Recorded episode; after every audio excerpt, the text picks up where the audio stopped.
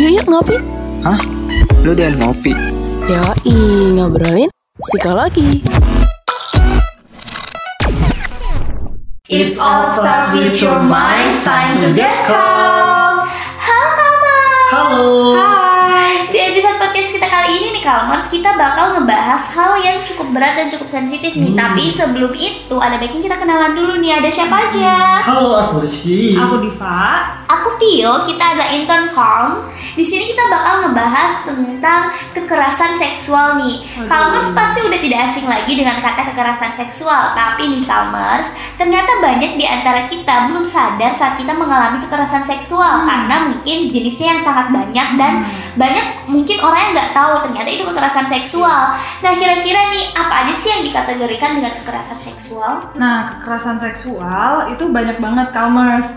Sekarang kita bakal bahas eh, menurut American Psychological Association atau APA. Menurut mereka ada lima jenis. Yang pertama itu ada gender harassment, yaitu eh, perilaku seksis yang menunjukkan penghinaan atau sikap eh, yang merendahkan suatu eh, gender tertentu kayak misalnya komentar yang menghina, lelucon yang eh, menjurus, eh, ya yang eh, humor. Hmm. Pokoknya misalkan eh, contohnya kita lagi bercanda nih, Hmm, bercanda hmm, bareng, terus tiba-tiba kita secara nggak sadar atau kebablasan bikin komentar atau lelucon soal objek soal seksual itu, Oke. terus membuat salah satu pihak di dalam lingkup pertemanan kita itu gak nyaman. Iya. Nah, itu udah termasuk kekerasan seksual, apalagi ketika komentarnya itu udah berjenis ke satu pihak tertentu. Oke, jadi kekerasan seksual adalah kalau misalnya gender harassment adalah ketika misalnya ada komentar menghina, lelucon, cabul dan lain sebagainya, Mhm. tapi tidak ada consent dari orang yang ditujukan atau orang tersebut tidak merasa nyaman dengan komentar tersebut. Iya. Ya,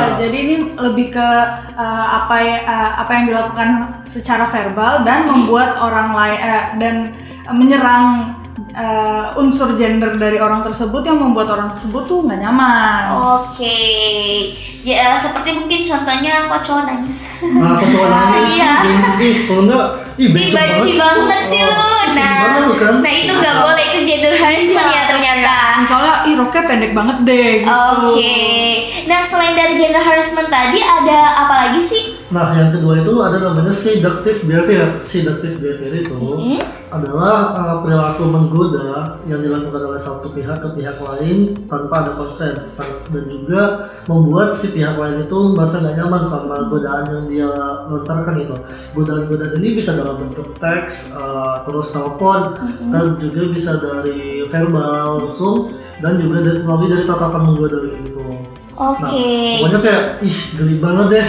Intinya adalah ketika flirting Ah. atau adanya tindakan ofensif yang Hmm. membuat pihak tersebut tidak nyaman Iya. kan? Iya. Oh, sering banget tuh. terus ini juga bisa yang cuma sekali aja seperti catcalling atau eh, yang eh, istilahnya PDKT dalam tanda kutip eh, tapi nggak mau menyerah dan maksa walaupun pihak lainnya tuh nggak tertarik Oh. gitu. Oke, Apal- jadi apalagi kalau misalkan si pihak lainnya tuh udah bilang ih aku tuh nggak suka banget diginiin Hmm. tapi ketika si pihak lain itu terus-terus memaksa itu udah terjadi namanya kekerasan seksual Iya. oke jadi catcalling sekalipun adalah sexual harassment Oh, gitu tentu kan? dong.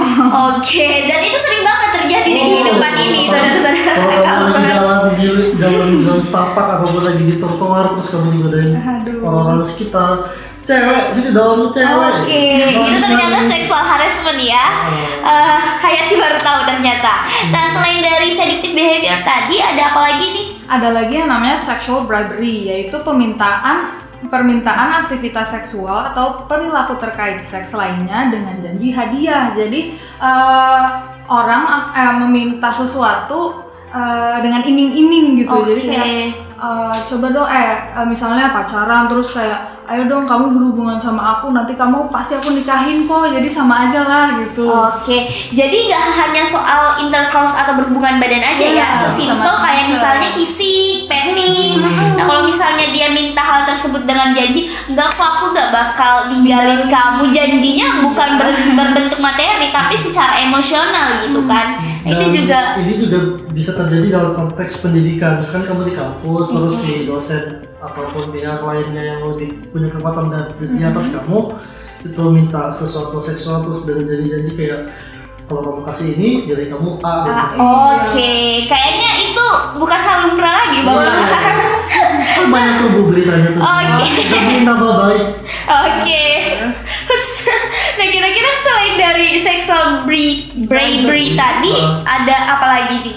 Ada namanya sexual coercion, yaitu Mm-hmm. adalah pemaksaan aktivitas seksual dengan ancaman hukuman. Contohnya tuh kayak uh, bos atasan minta sesuatu seksual ke bawahan dengan ancaman kalau kamu nggak ngelakuin ini atau kalau kamu nggak ngasih aku ini, Mm-hmm. kamu aku pecat atau kamu gajinya aku turunin atau pokoknya ancaman-ancaman deh. jadi ternyata ancaman kekerasan Iya. seksual tuh ada banyak di sekeliling Banyak. kita ya ternyata. Hmm. Nah selain dari sexual bribery, bribery tadi, terus Terus sexual sexual coercion, nah ada apa lagi sih? ada lagi namanya sexual imposition. Nah, bedanya eh ini juga pemaksaan, tapi bedanya dengan yang tadi kalau yang kalau yang bribery kan diiming-imingi hadiah, sedangkan impos eh, coercion itu diiming-imingi ancaman. Iya, kalau yang imposition ini ya udah eh, maksa aja. bener-bener pemaksaan Jadi- tidak ada hal yang ditawarkan. Iya. Jadi tiba-tiba terjadi aja gitu. Yap, betul. Contohnya mungkin kayak pemerkosaan kan? Ya, Iya. pemerkosaan Oke. itu contoh dari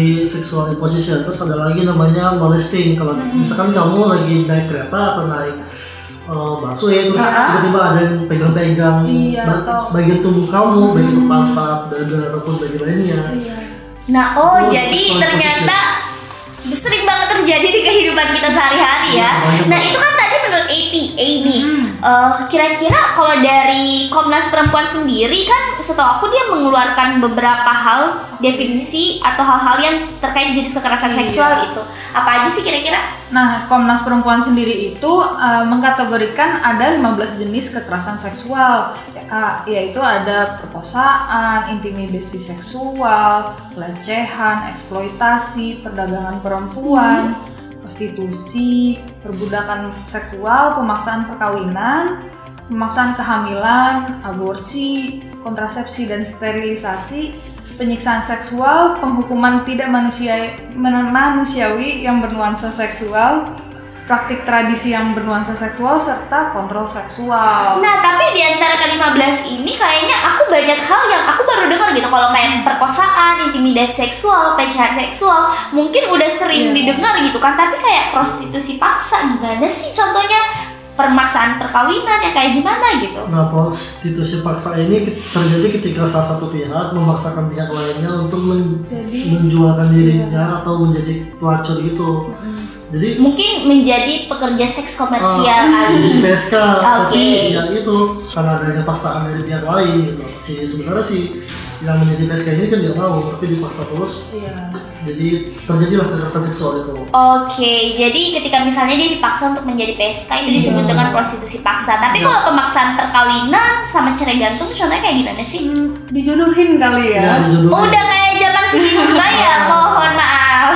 ya jadi uh, bisa jadi uh, contohnya tuh seperti ini ketika orang tua orang tua menjodohkan anaknya secara paksa dengan anak lain dengan anak lain uh, terus secara ketiga nggak mau Mm-mm. terus menikah mereka itu udah termasuk ke uh, Kekerasan seksual. Iya. Nah kalau cerai gantung kayak gimana tuh? Nah setelah itu mungkin kan perka- pernikahan itu nggak berjalan mulus atau nggak Oke. harmonis terus serak sama satu sama lain, mereka pisah ranjang. Tapi dalam status hubungannya tuh masih ada buku nikahnya lah, pokoknya masih masih kategori itu masih suami istri. Tapi nggak ada kepastian hukum.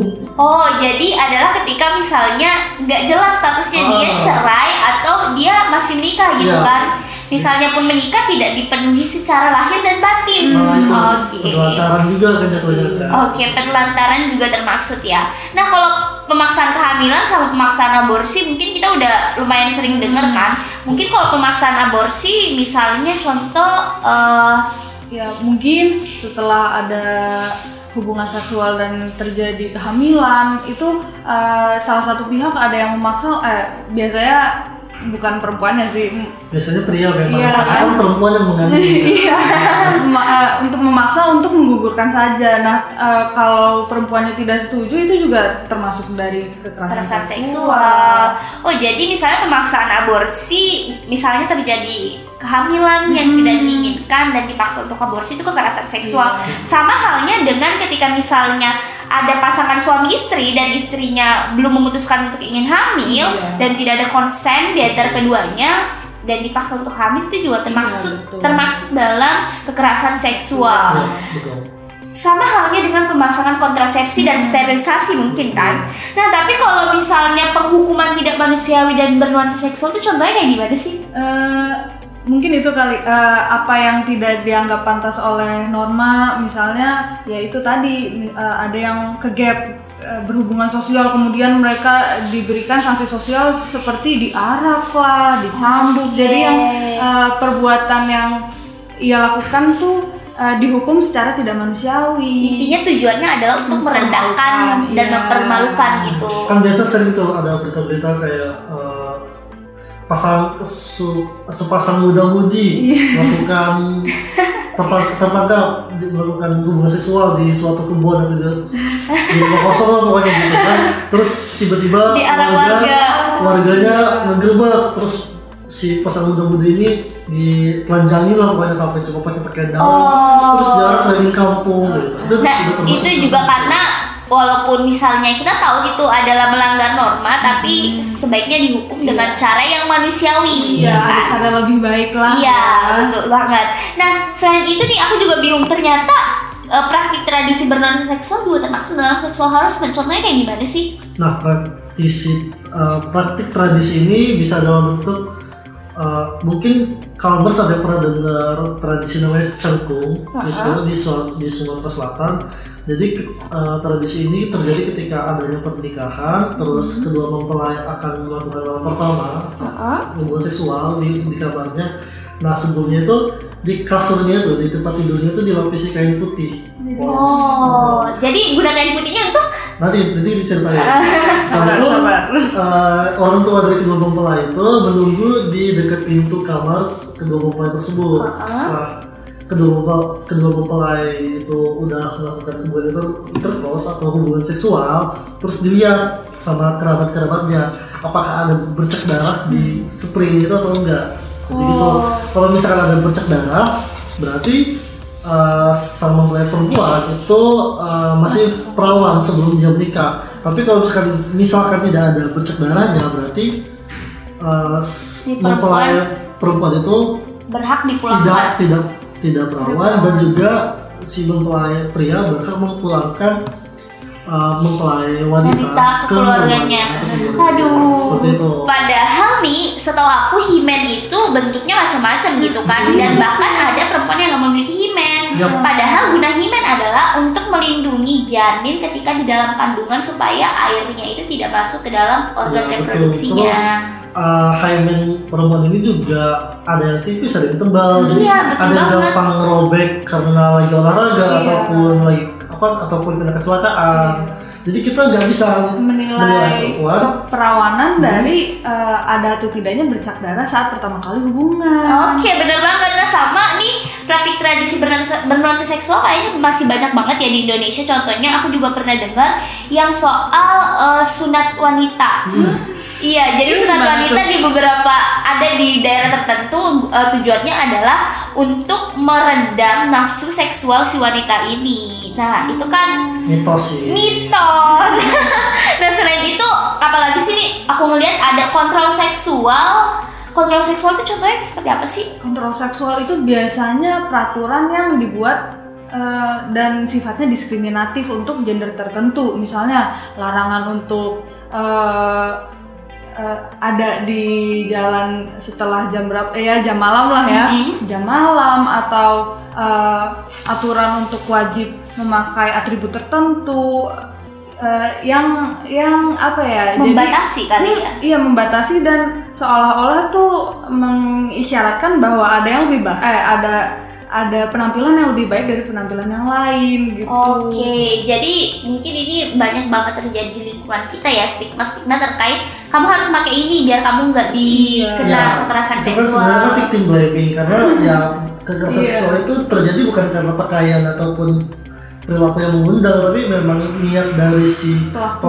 tersebut Oke. dan perlu di- ditekankan juga buat Kalmars kalau sebenarnya pelaku kekerasan seksual ini tidak hanya ter- tidak hanya pada orang-orang asing aja tapi bisa saja sama keluarga kalian keluarga baik itu om, orang tua, adik, kakak, Bahkan kekasih sekalipun. Kekasih Iya. sekalipun juga bisa saja menjadi pelaku kekerasan seksual. Ya Oke. jadi pelaku itu tuh bisa siapa saja dan uh, jangan karena kalian merasa dekat, kalian merasa ah uh, aku udah kenal dia, jadi uh, kalian kayak enggak ini mah bukan gitu. Jangan sampai kayak gitu ya, Kalmers. Nah iya, jadi Calmers harus lebih aware terkait dengan apa sih yang dimaksud dengan kekerasan seksual.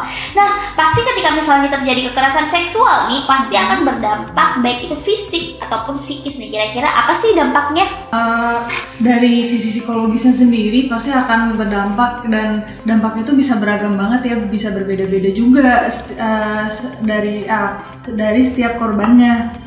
Nah, nah, contoh-contohnya itu bisa bisa stres, depresi, cemas, malu, merasa rendah diri, tidak berharga, uh, dan uh, kad- uh, trauma juga bisa dan dan Mere- Mereka bisa merasa tidak berdaya karena nggak bisa ngapa-ngapain untuk mencegah hal itu terjadi. Oke, jadi merasa tidak berdaya, cemas, depresi, Iya. dan banyak hal lain yang secara psikis akan dialami oleh kaum eh, oleh seorang penyintas gitu kan. Betul. Nah, kira-kira ketika ada dampak psikis, otomatis ada dampak fisik juga Ya, nih. Kira-kira dampak fisiknya apa Nah, sih? dampak fisiknya itu adalah yang pertama berupa sakit kepala, kesulitan tidur, dan juga gangguan berat badan.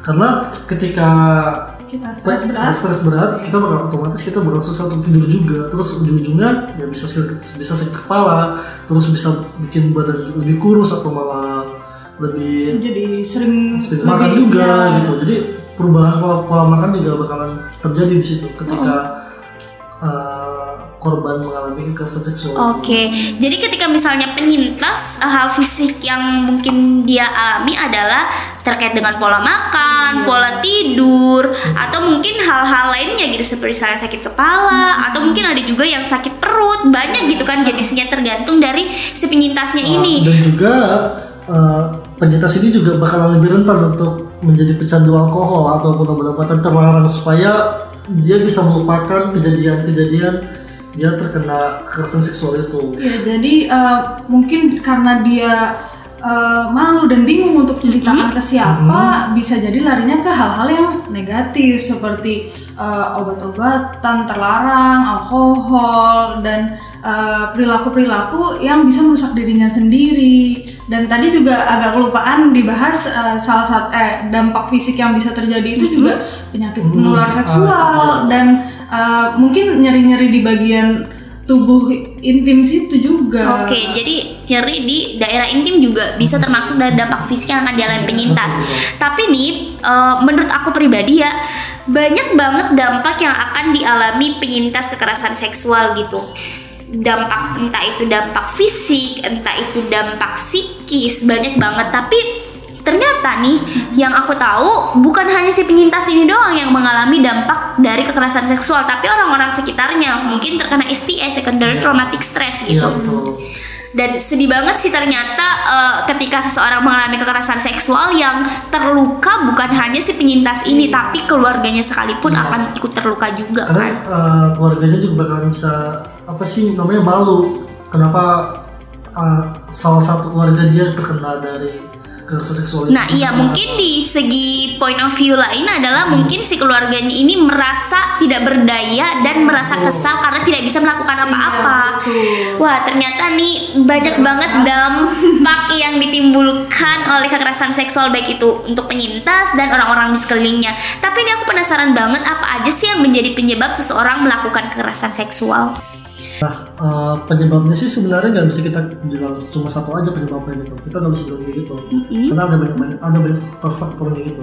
Tapi aku bakal bahas dari kondisi mentalnya dulu.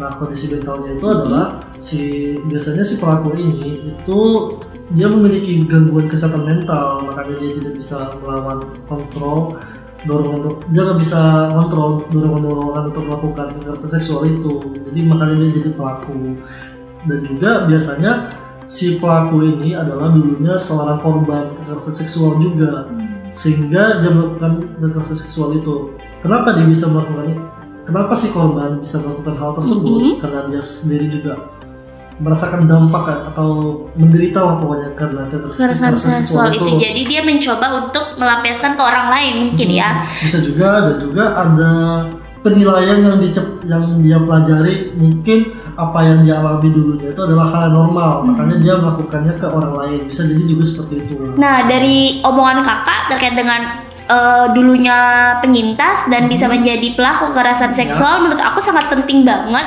penyintas-penyintas kekerasan seksual untuk mendapatkan konseling gitu, mendapatkan penanganan profesional. Sehingga tidak terjadi lingkaran setan di mana dari penyintas menjadi pelaku, begitu seterusnya lagi penyintas lagi se- nantinya akan menjadi sebuah lingkaran setan yang tidak selesai-selesai jadi Ya. mungkin kamers yang mempunyai teman atau mungkin saudara atau mungkin kenal orang yang mengalami kekerasan seksual mungkin bisa dibantu untuk bertemu dengan profesional ya kan betul. Nah tapi selain itu selain kondisi mental apalagi sih biasanya yang menjadi penyebab seseorang melakukan kekerasan seksual Nah, ada lagi salah satu teori yang namanya adalah power feminist theory. Nah, eh, teori ini tuh menyatakan bahwa kekerasan seksual terjadi karena adanya perbedaan kekuatan antara laki-laki dan perempuan sih kalau feminist teori ini. Eh, jadi eh, ada yang lebih tinggi dan ada yang lebih rendah kayak gitu. Jadi eh, yang eh, kekuatannya lebih tinggi ini dia eh, mengabuse eh, seseorang yang dianggap lebih tidak memiliki power Iya, gitu kan Gitu.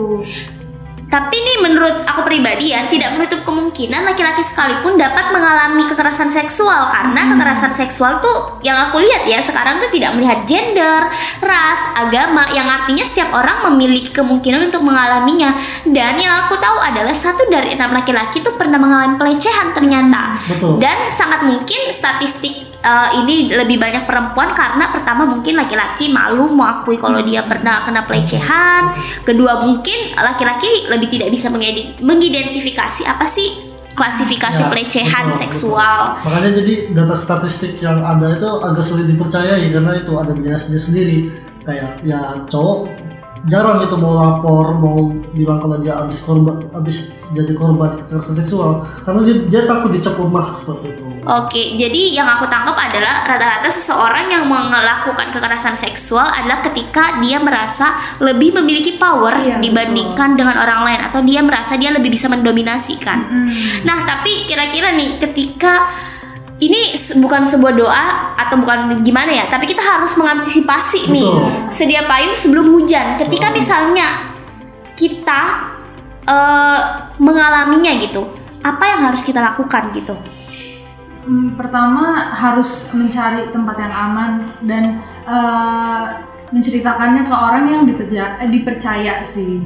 Iya. Terus setelah itu eh, apalagi yang dapat kita langkah preventif dan kuratif apa yang dapat kita lakukan gitu? Mungkin ini kuratif dulu kali ya. Jadi eh, yang yang bisa dilakukan adalah cari tempat aman, hubungi orang terdekat dan eh, minta bantuan orang tersebut, dokumentasi dan eh, kumpulkan bukti-bukti bahwa memang kamu eh, mengalami kekerasan seksual itu. Kemudian laporkan ke pihak berwajib dan jangan pernah menyalahkan diri sendiri. Karena kekerasan seksual itu tidak pernah me- eh, disebabkan oleh pelaku eh, oleh korban. Tidak pernah salah dari korbannya itu sendiri.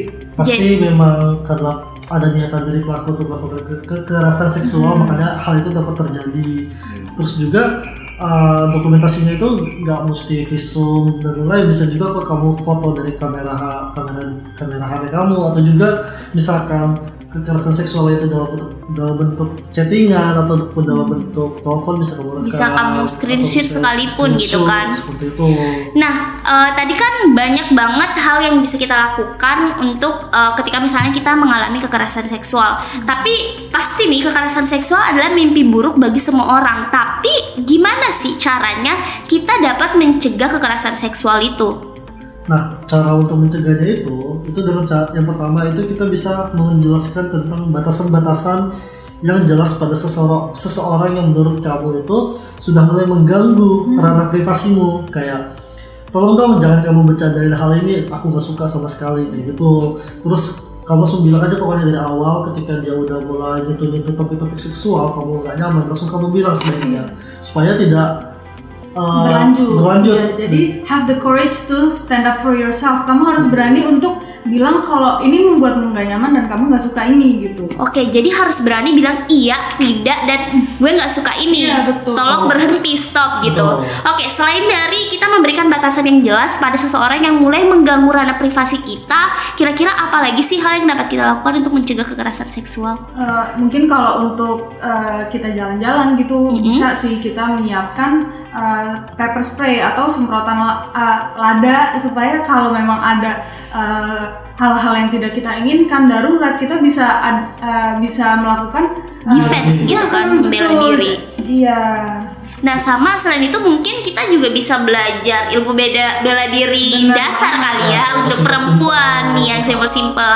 Nah, selain itu selain menyiapkan semprotan lada, terus kita membekali diri dengan ilmu bela diri dasar, kira-kira apa lagi sih yang dapat kita lakukan? Mungkin ini eh, agak sulit ketika Uh-uh. kita itu sebagai pekerja ya ataupun sebagai orang-orang yang punya tugas atau biasanya lewat jalur-jalur tertentu gitu. Itu adalah hindari tempat sepi dan juga rawan yang terjadi yang rawan terjadi tindak kekerasan seksual seksual. Misalkan kayak gang-gang yang sepi gelap dan juga kayak mencuri tempat-tempat yang mencurigakan atau tempat-tempat orang nongkrong-nongkrong minum-minuman keras seperti itu. Iya, mung- eh, walaupun memang kekerasan seksual ini tidak mengenal waktu dan tempat, ya. tapi kita kan nggak bisa ngontrol apa yang orang lain akan lakukan. Jadi apa a- akan lebih baik kalau kita bisa uh, punya pilihan lain, kita menghindari saja pilihan yang beresiko gitu. Oke, jadi kita kayak aku setuju sih dengan kata Diva kalau misalnya kita tidak bisa mengontrol apa yang akan orang lain lakukan kepada kita, tapi kita kita memiliki pilihan untuk bisa menghindari hal tersebut gitu kan. ya betul Nah selain itu nih hal yang terpenting nih menurut aku lapor jika melihat kekerasan seksual karena dengan cara kita melapor kita akan mencegah hal tersebut akan terjadi ke orang yang lain gitu. Nah, dan yang terakhir kita itu kita sebagai lelaki kaumers harus belajar untuk menjadi juara anti kekerasan seksual. Jangan sampai kita juga malah ikut-ikutan menyalahkan korban kayak kamu sih keluar malam-malam, kamu sih pakai baju terbuka seperti itu. Dan juga ketahuilah bahwa eh, kadang-kadang kita suka lelucon yang, Mm-mm. yang bikin orang gak nyaman itu kita harus langsung berhenti saat itu juga. Oke, Jadi lebih lebih peka sama isu-isu ini gitu.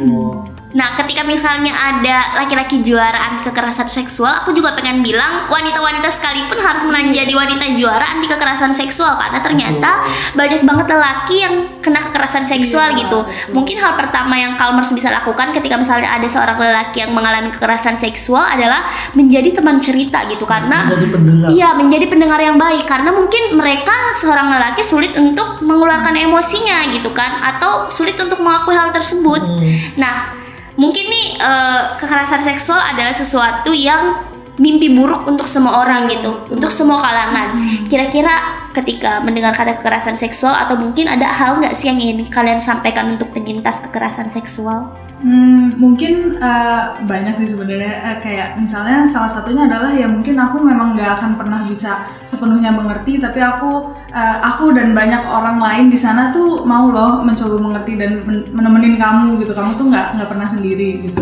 Terus juga eh, kamu tuh nggak didefinisikan dari apa yang pernah kamu alami aja dan eh, kamu tuh lebih, jauh lebih berharga dari apa yang pernah terjadi pada kamu kayak eh, dan Uh, dan juga yang terutama aku mau ngingetin kepada kalian sebagai korban itu bahwa apa yang terjadi pada kalian kalian sebagai uh, kalian mengalami kekerasan seksual itu bukanlah sepenuhnya salah kalian. Melainkan apa yang terjadi kan- apa yang terjadi pada kalian itu benar-benar salah dari pelakunya bahwa hentikan pikiran-pikiran ataupun kayak ya jangan jangan dengerin orang omongan orang lain ketika mereka ngomong "Mung- itu sih kamu sih pakai baju terbuka kamu sih pakai uh, baju yang nggak tertutup kamu sih suka keluar malam gitu gitu pokoknya jangan dengarkan hal itu jangan masukkan hal itu ke dalam hati kamu jangan masukkan hal-hal tersebut ke dalam pikiran kamu ingat bahwa ini bukan salah kamu, melainkan benar-benar salah dari pelaku kekerasan seksual itu.